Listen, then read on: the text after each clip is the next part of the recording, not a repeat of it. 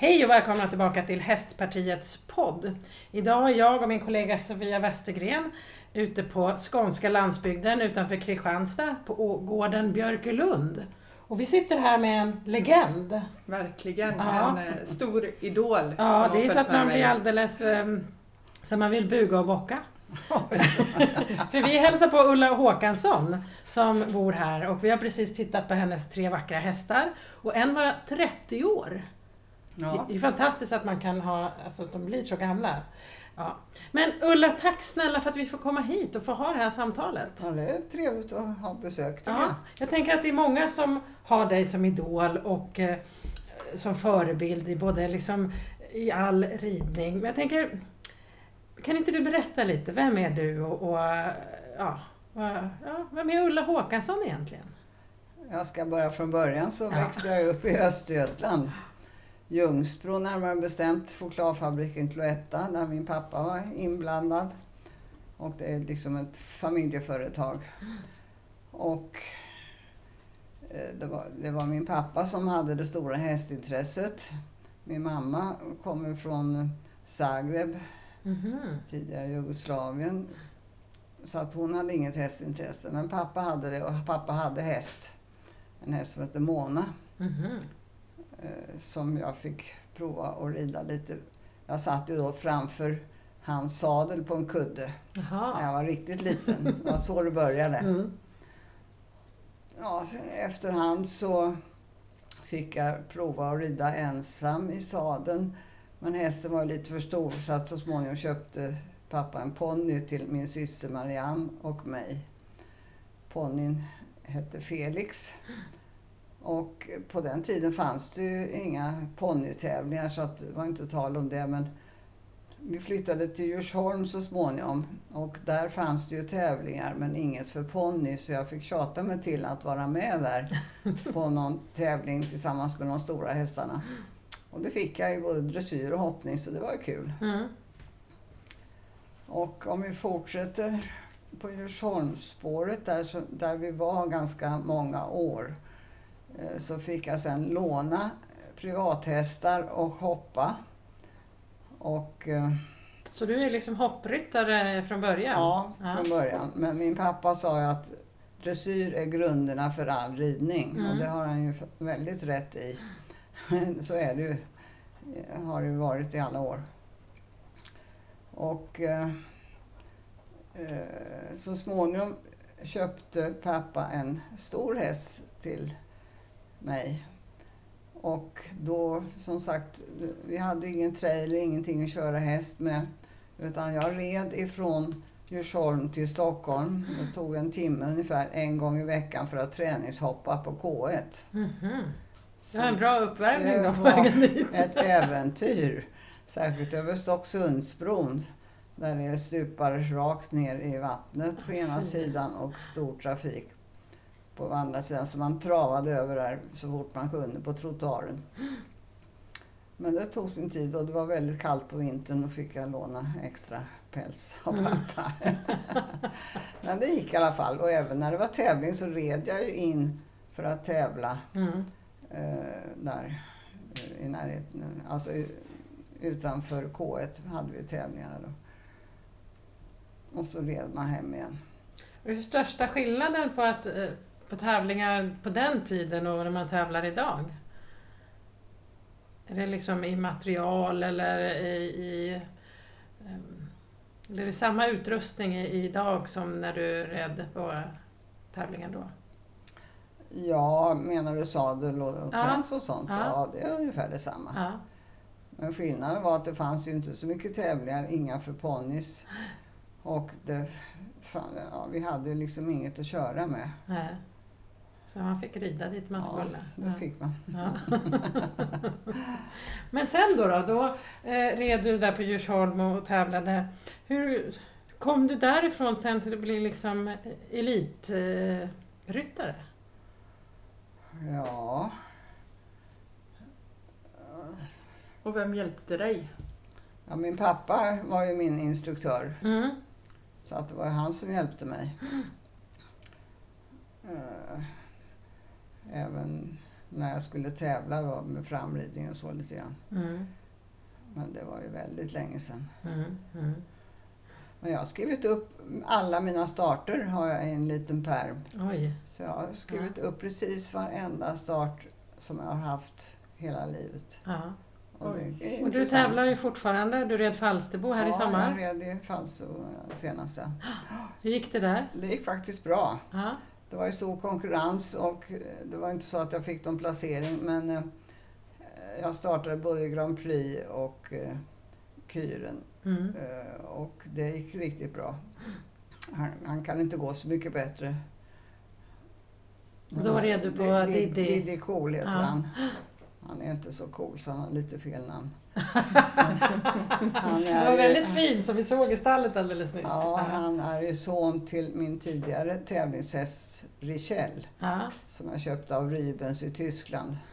Och när hon bör- började bli lite för gammal, 18-årsåldern, så tyckte väl att de här uppfödarna Rybens att de ville ha henne som avelsto. Och hon har faktiskt fått tre föl minst sedan hon kom tillbaka. Mhm. Och eh, så sonen eh, provred jag där och eh, tyckte att jag kanske kan prova om jag kan få någon ordning på den. Och, Det fick du. Någorlunda. Ja. Mm. Men det här med att skaffa hästar, det är ju inte det enklaste. Vi har Nej. pratat med många, men vad, vad letar du efter när du letar häst? Vad tittar du efter? Ja, de ska ha ett bra temperament Mm. och de ska ha helst ha tre bra gångarter och ja, samarbetsvilliga. Mm. Oerhört viktigt med huvudet. Eh, om man nu tänker här, du har ju hållit på nu med hästar i ett otroligt massa år.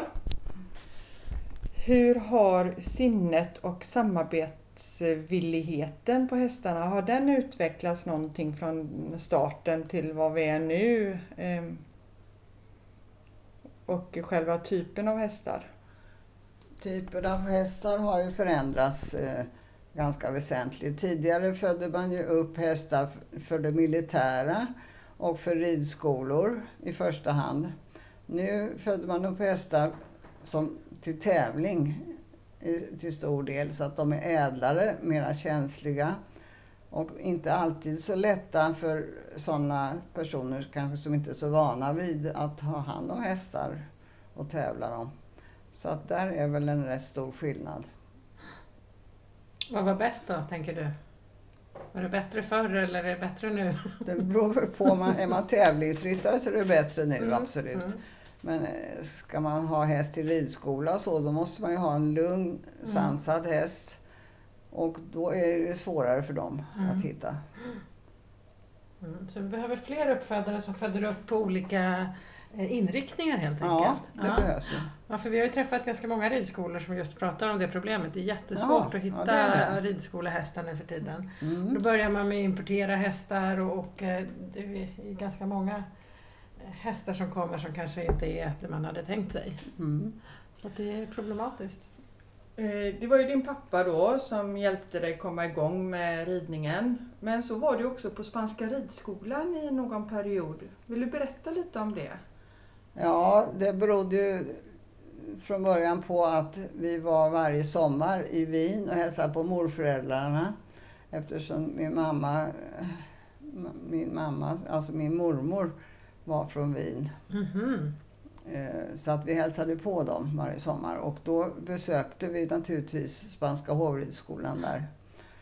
Och eh, lärde känna någon beridare och min pappa frågade då om det finns någon möjlighet att komma dit som elev för det hade vi hört ryktas. Mm. Och det fanns det. Så att eh, det var ju väldigt eh, intressant. Eh, Jag var där tre månader under faschingstiden. När mycket festande och så. Ja.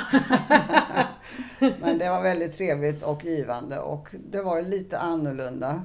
Första lektionen för beridaren var... Då red man i lina utan eh, stigbyglar och tyglar. Bara för att öva sitsen Mm. ordentligt.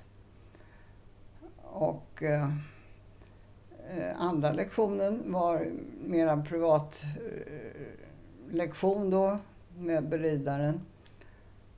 Eh, Då fick man eh, rida en hel del olika övningar. Däremot red vi ju varken levad eller caprioler och sådana saker. Nej. Utan vi red ju piaff och passage gjorde vi och öppner och sluter och sådana saker. Så att det var intressant. Och sen fick man ju följa ridarna när de red också och det var ju hela förmiddagarna som ägnades åt det. Men Var det någon form av prov innan eller de bara tog emot dig för att ni blev bekanta eller fick du liksom visa upp att du ändå kunde, att du var ganska duktig innan? Nej, jag behövde Nej. inte visa upp mig. Nej. Utan eh, vi talade ju om hur mycket jag hade ridit. Det är fantastiskt att vara på Spanish Hofreitschule. Ja, men jag tänker också att var det skillnad? För om man nu säger att man rider västern så rider man ett sätt och rider man eh, engelsk ridning eh, så rider man kanske på något annat sätt. Kunde man känna där att de på Spanska ridskolan red på ett tredje sätt eller var det ganska likt det engelska sättet? Eller? Ja, det var likt den vanliga ridningen, alltså grundutbildning. Mm. Och att man sitter rätt, man eh, ger hjälperna på rätt sätt. Så att eh, det hade ju med min ridutbildning att göra. Vad var det viktigaste du lärde dig där? Ja, det var väl att man övade sig bra på, med sitsen. Ja, Så att man satt rätt och följde med hästens rörelser. ja. Ja, det är ju inte alltid så enkelt, det vet man ju själv när man sitter där och så händer något så kanske man rycker till eller blir rädd Ja. eller någonting. Det gäller ju att... Ja, Man måste Ja. ju lära sig att slappna av och följa med hästen. Ja.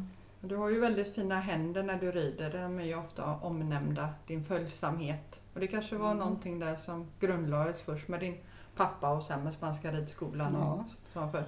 Hur, hur em, mycket tränar du nu för tiden? Behöver man träna när man har tränat i hela sitt liv? Men innan vi kommer dit så kan, vi, kan jag ju tala om att jag var ju även på långa kursen på Strömsholm. Mm. Ja, du har gått den Eh, också. Och där var jag bara halva året eftersom det skulle vara rättvist. Min syster var hela kursen. Jag fick vara halva kursen eftersom jag hade varit på Spanska hovridskolan då. Eh, Och där fick vi ju lära oss också en massa, både hoppning, dressyr och körning också ingick. Vi körde fyrspann också. Så att eh, det var ju lite annorlunda. Åh, oh, vad roligt att och köra det- fyrspann. ja, jag tänker det. Det ser så här pampigt ut. Det är inte så lätt. Nej, jag kan Vi, tänka vi körde i terrängen också med en häst och en terränggående vagn. Då. Men det, det var kul och där lärde vi oss mycket också. Mm. Och då hade man ju med sig varsin häst. Så jag hade en häst som hette Max. En stor tysk. Mhm. Men innan dess så hade jag ju andra hästar också. Men på Spanska ridskolan, om jag bara får hoppa tillbaka dit, det här, tänker det här med häst, de har ju bara lipizzanerhästar. Ja, Är det liksom en... eh, Har du haft lipizzanerhästar själv efter det eller? Nej, Nej du inte. halvblod. ja. Ja. Vad- Vad är egentligen anledningen till att de bara har lipizzanerhästar?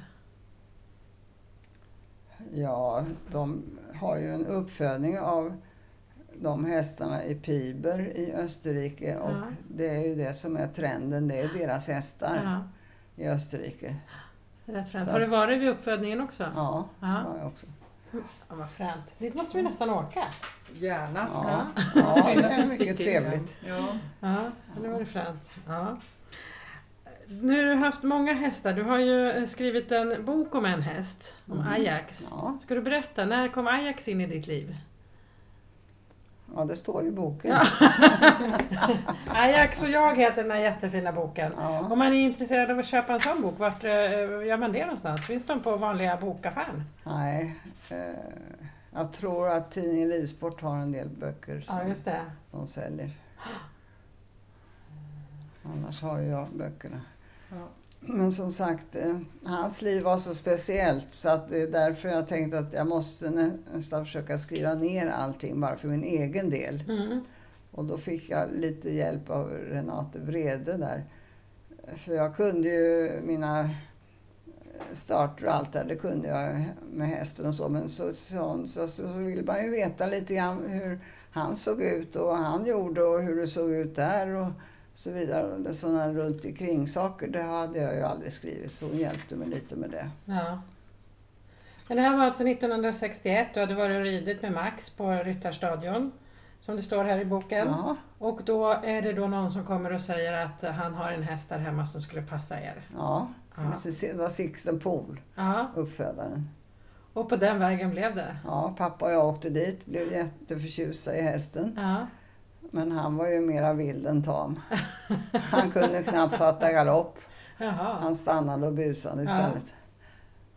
Så det var verkligen från grunden. Han var fyra år när vi köpte honom. Ja. Men han hette inte Ajax från början? Nej, han hette Jesuit och det tyckte jag inte han skulle heta. Nej, det var ett litet märkligt namn. Vi, vi har döpt våra flesta hästar med X på slutet för lyssna, de lyssnar bra på sådana som Felix. Ja, just ju det. Och ponny. Max. Och Strix och Max och Amix från Ja. början. Och ja, Ja. Ja, så på den vägen var det och då fick du hem honom eh, i alla fall och eh, du börjar... eh, Felix. Där är Felix på en bild ja. På en ryttarfest i Djursholm när du var 12 år. Ja, Ja, fränt. Visst är den fin? Ja. Bedårande. ja. Och sen är det bilder från Spanska ridskolan Ja. 1957. Och eh, så på den eh, vägen var det. Sen träffade du din man också. ja, på långa kursen på Strömsholm. Men Ja. han, han var förlovad med en tjej. Jaha, så du gick in där och snodde honom? Nej, inte direkt. det dröjde ett tag. Ja. Så han är ju också ryttare. Ja, Mm. vi hoppade svår hoppning på varsin häst. Mm. Ajax och Jungfrulin, som Ajax helsyster hette, Mm. var Arnes häst. Mhm. När, när får ni köpt en transport och kan transportera er till alla tävlingar? Eller hur länge? Ja, vi köpte en lastbil Ja. så småningom. Jag kommer inte ihåg vilket år det var. Men det var ju tvunget att ha någonting så man kunde köra hästarna. Mm. Och då började du tävla med Ajax och då började du att tävla honom i hoppning. Ja, jag tävlade faktiskt både dressyr och hoppning. Okej. Och eh, ja, för att eh, jag, jag tycker fortfarande att det, är det man ska göra. Ja, Även om man, man är hoppryttare så behöver man grunderna. Och det är dressyrarbetet som är grunderna. Man måste ju kunna styra omhoppningar och sånt. Ja, det är ju en fördel. ja. Och sen, men ni träffade Arne och ni gifte er och på den vägen blev det. Sen åkte ni till Tyskland. Eller Arne blev erbjuden ett jobb i, i Berlin, eller hur var det? Alltså, ja, just det. Det var några månader Ja. åkte vi till Tyskland med hästarna faktiskt. Ja. Och eh, Arne utbildade sig vidare där, har jag för mig att det var. Och det var ju intressant. ja. Är det stor skillnad på hästhållning i Tyskland och Österrike jämfört med Sverige, ty- tycker du? Nej, inte särskilt. Nej, det är samma Ja, sätt. Ja. man måste ju se till hästens bästa så att de har det bra i sina stallar och så vidare. Ja. Ja, sen går det bara segrar och eh, rosetter och allting vidare och eh, jag tänker, du har varit med i OS. Ja, Berätta, hur var det? Alltså när man kommer dit, är det, det måste ju vara jag är fantastiskt spännande. till sex OS. Mm. Eh, Tyvärr kom jag bara till start i fyra. Ja, på grund av olika olyckor. Eh, Boken om Ajax slutar väldigt tråkigt för han dog efter resan, efter ankomsten till Montreal där vi skulle ha ja, startat. just det. Och nu får jag ståpäls igen. och eh, sen var jag i Sydney också med Bobby. Ja, Och precis på framridningen började han halta nämen. av en konstig anledning. Jag vet inte om han trampade snett. Så jag kom inte till start. Hade man åkt så himla långt. Ja, ända till Australien. till Australien. Och så kom man inte till start så det var jättetråkigt. Men då har man med sig någon form av ersättare? Någon som får rycka in och rida istället då eller? Nej, Nej. Utan då fick de andra rida som var i laget. Ja, okej. Ja. Men eh, vilka mer OS var du med på? Ja, från, det började med München 42 med Ajax. Och hur gick det där då? Det gick jättebra. Ja. Berätta för alla som lyssnar. Alltså det roliga var ju innan eh, när Ajax var hopphäst så ville han inte hoppa när vi kom till Aachen. Nej. För att tiden lades om så att det blev en tidigare lagd start på en halvtimme. Och det var då jag skulle ha förberett mig. Så jag kommer in ganska oförberedd. Man skulle väga sig dessutom först innan man skulle in Aha. på banan. Eh, Med sadel och allt. Som man gör som jockey på galoppen? Ja, precis. Jaha. Och eh, då vägrade vi ut oss där. Jaha. två gånger i rad. Och då var eh, Arnes häst och Jungfru var med så att jag kunde åka vidare till Hamburg där jag skulle rida Hamburg-derbyt. Så jag kunde fortsätta med henne men Ajax fick åka hem. Så att, eh, eh, och veterinärundersökas men det var inget fel på honom så jag försökte hoppa fortfarande men han var, var osäker, han har Mhm. blivit. Och då tänkte jag, vad gör man nu då? Jo, då kanske jag ska försöka mig på lite mer på dressyrsidan. Mm. Och Hans Wikte som var våran lagledare och tränare. Han sa ju till mig att så roligt att du vill rida dressyr men du får nog skaffa dig en dressyrhäst då. Ja. Jaha, sa jag. Men jag vill ju inte sälja Ajax. Nej. Utan jag tänkte, jag kämpar på. Och det gjorde jag och det gick bättre och bättre. Och han ändrade utseendet också. Jaha. Han var ju... Han hade inte så mycket bakdelsmuskler Nej. som hopphäst. Utan han blev rundare så småningom. I alla fall så gick det riktigt bra, över förväntan. När vi startade svår dressyr. Ja. Alla våra hopphästar har vi lärt lite piaff. Så att Aha. det, det kunde han ganska bra. Det nya var passage och byten i serier. Ja. Enstaka byten kunde vi ju. Men eh, vartannat och varje steg, det var ju lite nytt. Och sen så småningom så blev det så bra så att vi blev uttagna till laget som skulle starta i München Mm. tillsammans med Nina Svab och Maud von Rosen. Eh, och eh, det gick riktigt bra så vi fick ju bronsmedalj där. ja, det är fantastiskt. Och jag kom sexa individuellt. Och eh, ja, det var väl eh, det Mm. första kvinnliga laget tror jag Ja. Mm. som var. Så Det var ju jättebra. Och Hans Wikne påminde jag om. Kommer du ihåg vad du sa? Ja, men det är bra att man kan ta fel åt det hållet, sa han. Ja. Så han kom ihåg vad han hade sagt. Och fick ändra sig. Så det var Ja. kul. ja. Men när man kommer till en sån här stor tävling som eh, OS ändå är. Är det något liksom... Eh, har, man speciella fjärilar i magen då eller hur är det när du kom in där och skulle tävla? Nej, det är väl som en vanlig tävling. Man Ja. får göra det bästa man kan. Ja. Att, eh, Idag, så jag tänkt på det här, när man ehm, när det kommer hem fotbollslag och så till Sverige nu som det blir fest på Sergels torg och så vidare. Blev ni uppmärksammade när ni kom hem med den här eh, OS-bronsmedaljen? nej, inte vad jag kommer ihåg. Nej, vi måste bli bättre på det. Vi måste bli bättre på att fira de svenska ryttarframgångarna. Ja, det är ju jätteviktigt men jag tror att vi eh, har ändå blivit bättre. Alltså det, Ja, det har ju hänt mycket. Efter senaste eh, prestationen i OS med Peder och kompani, det är Ja. klart. Det var ju många kalas ja, det efter det. många kalas. Jag kan bara nämna vilka OS jag har varit med Ja, om. Och det var 84 i Los Angeles. ja. Där fick vi också bronsmedalj och det var ju jättekul. Och då red jag Flyinge Flamingo och Mhm. kom tolva. Det var inte heller så illa. Verkligen. jättekul. Verkligen starkt. Alltså detta Och- är en imponerande lista. 88 var det OS i Seoul i Korea. Det var ju väldigt annorlunda. Och där var det hingsten Sesam som jag red. Ja. Och han har, hade varit väldigt stökig innan dess och stått på bakbenen. Så det var ett under att vi kom så långt som vi gjorde och vi var bästa svenska ekipage.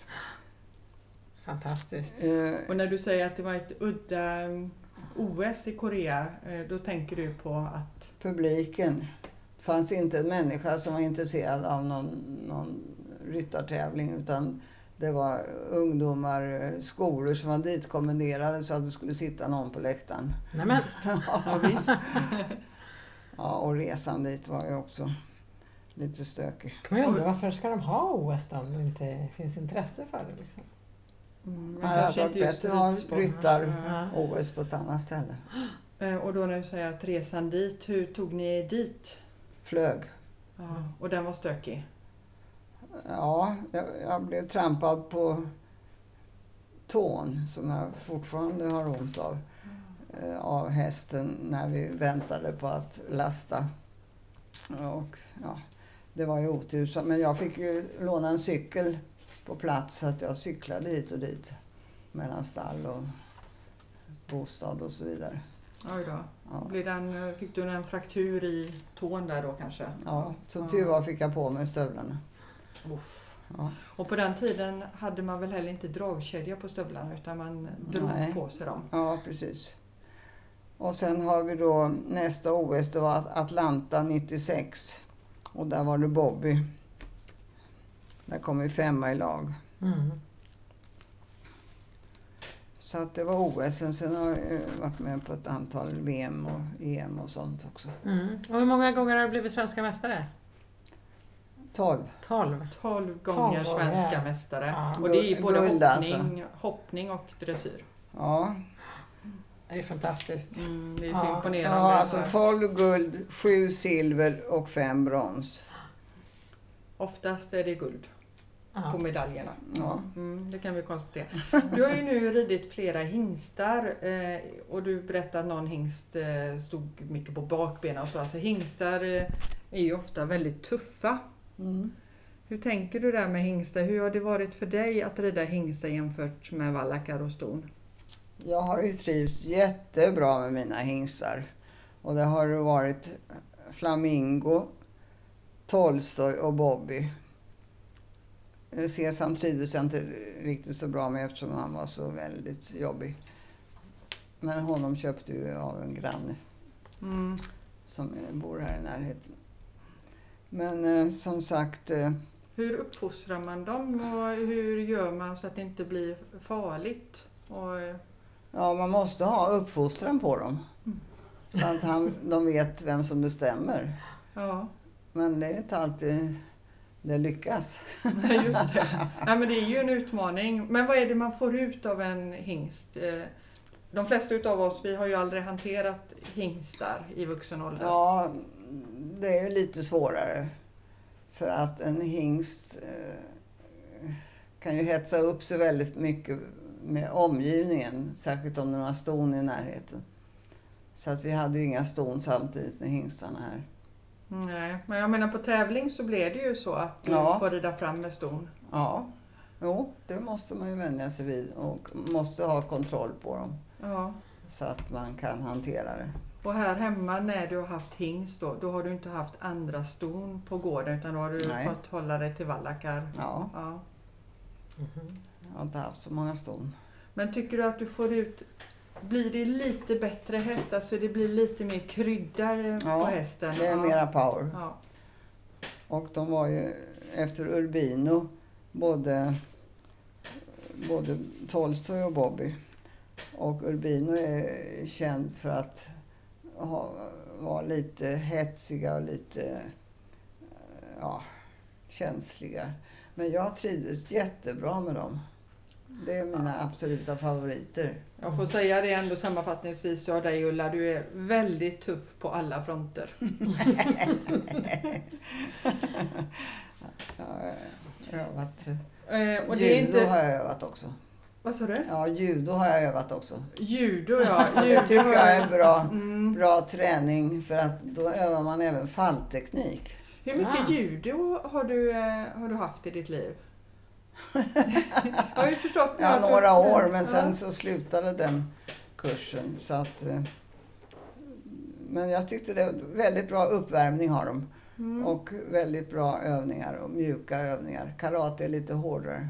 Och det är mycket stretch och tänjning. Eller jag har ju aldrig tränat judo så du får berätta här. Vad är det som händer i uppvärmningen på judo? Ja, det är som, som en vanlig uppvärmning. Ja, vad häftigt. Jag tänker det är ju så himla viktigt att man håller igång sin kropp så att man Ja. orkar med ridningen. Ja, absolut. Ja. Det är viktigt. Oerhört viktigt. Och dessutom har du ju levererat mycket tillbaka. Eh, läser en rubrik här att du har eh, delat ut 11 miljoner. 11 miljoner kronor. Och det, det jag tänker på nu är Ajax-stipendiet då. Ajax är ju hästen som har betytt eh, väldigt mycket i ditt liv. Som tog Ja. det från hoppningen in i dressyren. Eh, vem är det som får alla de här miljonerna? Eh, Ja, det är stipendiater som utses år från år och jag började eh, 2011. Nej, 2005 var det väl. Började jag med det. Och det har varit två eller tre eh, antingen dressyrryttare eller hoppryttare som får stipendiet och vi är en kommitté som tar ut de här för att de får ansöka då. Eh, Och det brukar vara cirka 30. I år var det faktiskt 50 sökande så det var väldigt många. Oj. Och vem är det? Är det bara svenska ryttare? Eller? Ja, bara svenska ryttare. Och eh, de ska inte vara äldre än 30 år och har visat en hel del framgångar och eh, visat att de kan det här med tävlandet lite grann i starten. Och vad ska pengarna gå till då? När de får Träning ska det träning? gå till. Mm. Ja, enbart träning. Mm. Och eventuellt om man åker utomlands så får uppstallningen ingå där Mm. också i den pengen. Mm. Häftigt, vilken grej! Ja. Jag tänker det de här med att ge alltså- tillbaka till, till ridsporten är ju oerhört viktigt. Jag tänker, vi sa att du är en förebild, du är en legend. Eh, är det något du har tänkt på i, i, under de här åren som har varit viktigt, förutom Ajax-stipendiet, men eh, jag tänker unga tjejer och killar som tittar på dig när du rider. Är det någonting som du känner att det här är viktigt att skicka med till, till kommande generationer i ridningen eller hästhållningen? Ja, en eh, träning som eh, är lite varierande tycker jag är väldigt viktig. Mm. Alltså även om man nu ska eh, är hoppryttare så är det som sagt grunderna. Det är dressyren, grundutbildningen som man måste dagligen se över. Mm. Och det är det som är det vi- viktigaste av allt. Mm. Det är fantastiskt. Så det kan man egentligen säga är ett tips till de som lyssnar. Att vikten av variation. Ja, Ja, jag rider ju mest bara utom, utomhus. ja. Och vi har ju också tittat runt lite grann nu här på Ullas gård och vi konstaterar att det fanns ett kryss inne i ridhuset som Ulla hoppar på på vintern när hon eh, behöver gå in i ridhuset om marken runt här är, Ja, frusen ett och så. hinder ja. Mm. Ja, ett hinderkryss. Ja. Så, eh, så det är ju väldigt, eh, väldigt allsidig träning. Ja. Och eh, nu får jag återkomma här till den här frågan att eh, tränar du fortfarande för tränare eller behöver man inte det om man har ridit i hela sitt liv? Det är väldigt bra att ha någon som tittar ibland. För man kan komma lätt in i några ovanor som man inte ens tänker på. Och då är det väldigt bra att ha någon på marken som kan titta. Och om man är på rätt väg eller om man gör något som inte är bra. Och att det ser ut som det känns är ju viktigt att veta. Just det. För det är väl lätt så att man hamnar i sin komfortzon eh, och kanske inte utmanar sig själv längre utan då kanske man behöver ha någon på backen som säger att nu får du länga lite mer eller piaffen börjar röra sig för mycket framåt eller vad kan det vara för någonting? Ja, det är sådana små saker. Och eh, min man eh, kan ju titta någon gång men det är väldigt, väldigt sällan. Men var fjortonde dag åker jag numera iväg till eh, norr om stan här till Henrik Johansen och tränar för honom. Mm. För jag tycker det är så värdefullt att ha någon som tittar och han var så snäll och kom till Falsterbo och hjälpte med, med framridningen där. Och det var jätte, jättefint. Ja. Det, det är värdefullt att ha någon. Mm. Jag har ju ett problem när jag rider. Jag drar ju upp hälarna för mycket ibland. Har du något sådär som du har jobbat extra mycket med under din ridning som har varit en, en olat eller? Ja, ibland så har jag lutat mig lite mycket framåt och då får man ju... Ja, då får du träna sig att rätta upp det lite grann. Ja. Sitt tillbaka, tillbaka med överlivet. Mm. Du nämnde ju där att eh, du fick rida utan sidbyglar och utan tyglar då eftersom eh, hästen longerades på spanska ridskolan för att fokusera på sitsen. Är det någonting som du gör fortfarande, att rida utan stigbyglar? Nej, det gör jag inte. Men det är inte, det är inte dumt att göra det ibland. Nej. Jag har ju ett inackorderingsstall hemma och jag ser att många utav eh, de yngre särskilt, de rider på sina stora hästar barbacka. Och det, mm. När jag växte upp eh, och var betydligt yngre än vad jag är nu, då fick vi också rida mycket utan stigläder men barbacka är jag inte uppvuxen med så mycket. Var det någonting? Eh, nej, inte jag heller. Nej. Verkar komma, komma nu. Nu rider vi barbacka och har barfota hästar. Barfota hästar är ju en del i hoppningen. Ja. Dressyren kanske inte är så ofta det är barfota hästar, eller är det det? Det kan det nog vara. Mm. Ibland. Jag provade att vara barfota på bak på Diddy här men jag tyckte inte det var så bra för han blev varm om hovarna. Det blev lite för mycket ansträngning. Mm. Eftersom jag rider så mycket ute.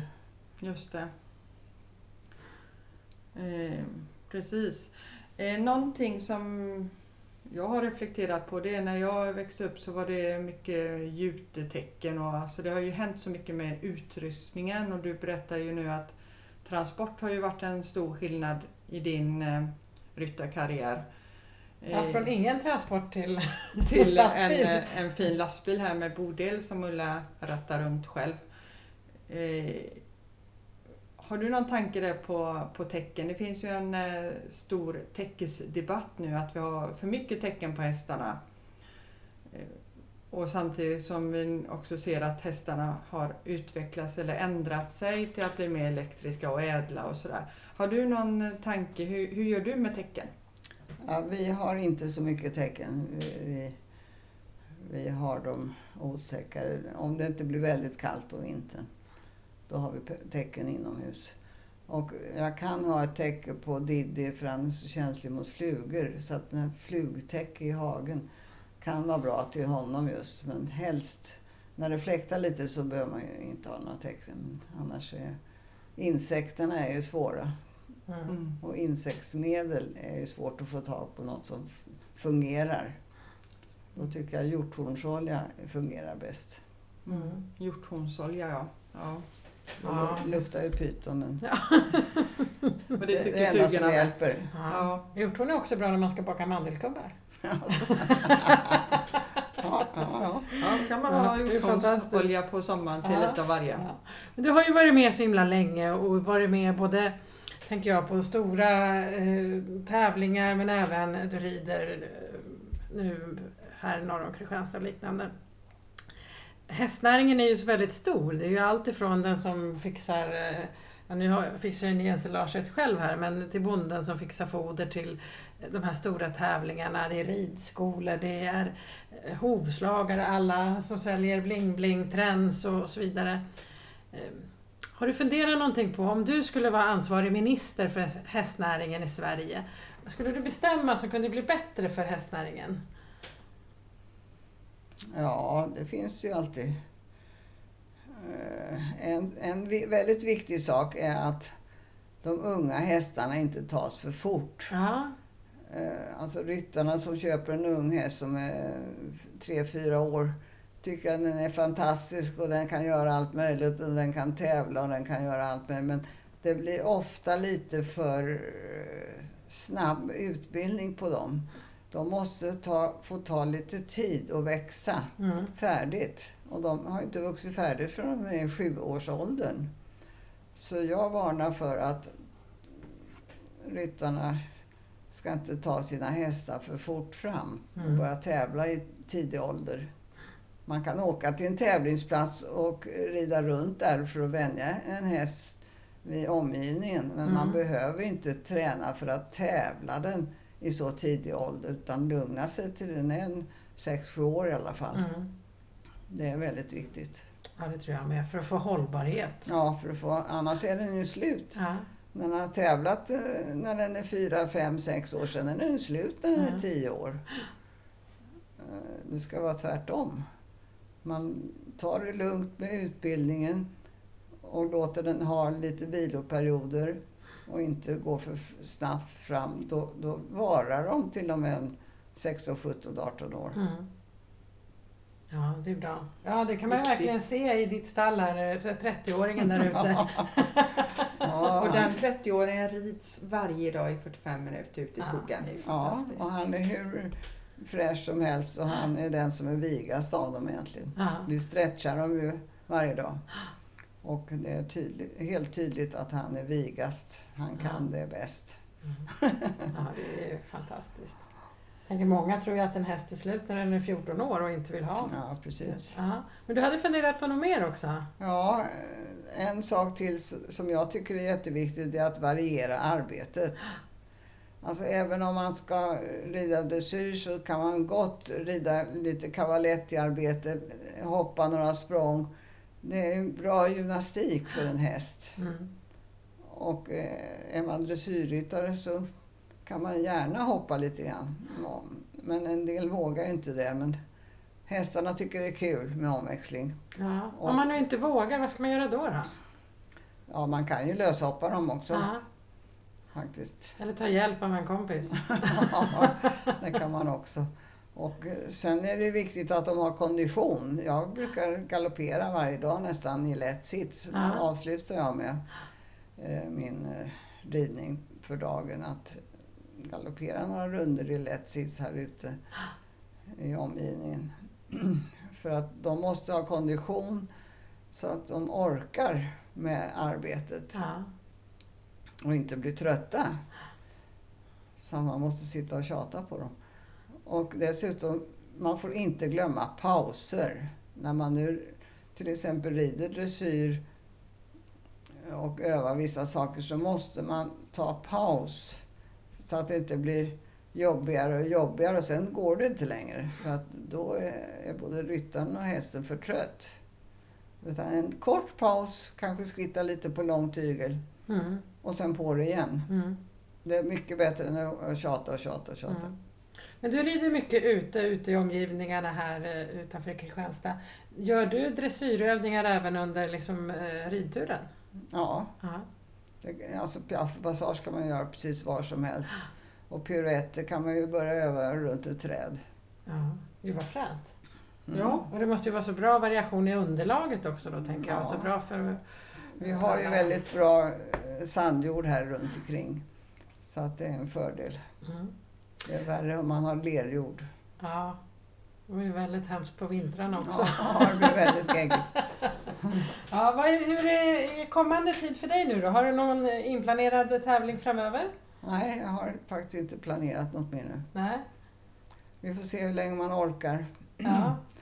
Kroppen är ju lite tagen. Man, jag har lite diskbråck och lite ont i både rygg och knän. Ja. Eh, Så att vi får se hur länge man orkar med och kan hålla sig frisk. Och Ja. Det häng- hänger på att hästen också är frisk.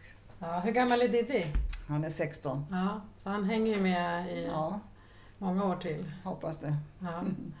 Är det mycket ridskador som du har fått krämpor av? Eller är det, kommer det ändå? Nej, det kommer, det kommer nog ändå. Ja, det är det. Annars är ju ridsporten eh, världens farligaste sport, eller vad de säger. Eller en av världens farligaste sporter. Eh, Ja, klart man kan åka av och sådana saker men och gå, gå omkull på hinder. Och, ja, men eh, det har jag inte drabbats särskilt mycket av. ja, det är bra. Det måste vara sitsen, den goda sitsen. Ja, det gäller att hänga med. Ja, precis. Fantastiskt. Ja, visst, Ja. Alltså, det är helt eh, underbart att få vara här och få höra om alla de här sakerna. Och ehm, det tar jag verkligen med mig. Vikten av variation. Mm. Mm. Och vikten av bra sits. Ja. Annars så känner jag, jag som eh, var med om en ridolycka för snart tre år sedan och ju äldre man blir desto mer saker går sönder. För när man var yngre så var man liksom mer tänjbar och Ja, det gjorde inte så mycket. Jag ramlade av. Ja. Men stort tack för att vi fick komma. Det här ehm, podden kommer ju ligga ute på Hästpartiets podd så vi hoppas att det är många som lyssnar. Idag är det faktiskt över 8000 som har lyssnat på våra poddar. Oj, oj. Ja, så det är jätteroligt. Eh, och eh, jag och Sofia och Saila, vår kompis, har ju tagit fram ett eh, 23-punktsprogram om förslag som vi tycker att eh, kan förbättra hästnäringen för rent politiskt. Där vi föreslår både vad man kan besluta i riksdagen och även i kommuner och regioner. Vi tycker verkligen att vi ska ha mer häst åt fler. Och någon måste ju ta över stafettpinnen efter dig här och, och fortsätta hålla Sveriges fana högt inom ridsporten. Nu har vi ju bra ryttare eh, men att vi, man fortsätter den successionsordningen. Ja, nu, nu kom, fick vi aldrig någon bronsmedalj i VM här. Nej, det var ju tråkigt. Tyvärr. Och eh, jag läste ju i Sydsvenskan att eh, det var 24 år sedan vi fick någon medalj Mhm. eh, i VM. Och i det laget var jag faktiskt med. Ja. Och det var Louise Natorst och eh, Jan Brink och Anette Solmell. Det var vi fyra. Vi var i Rom ja, 98 tror jag det var.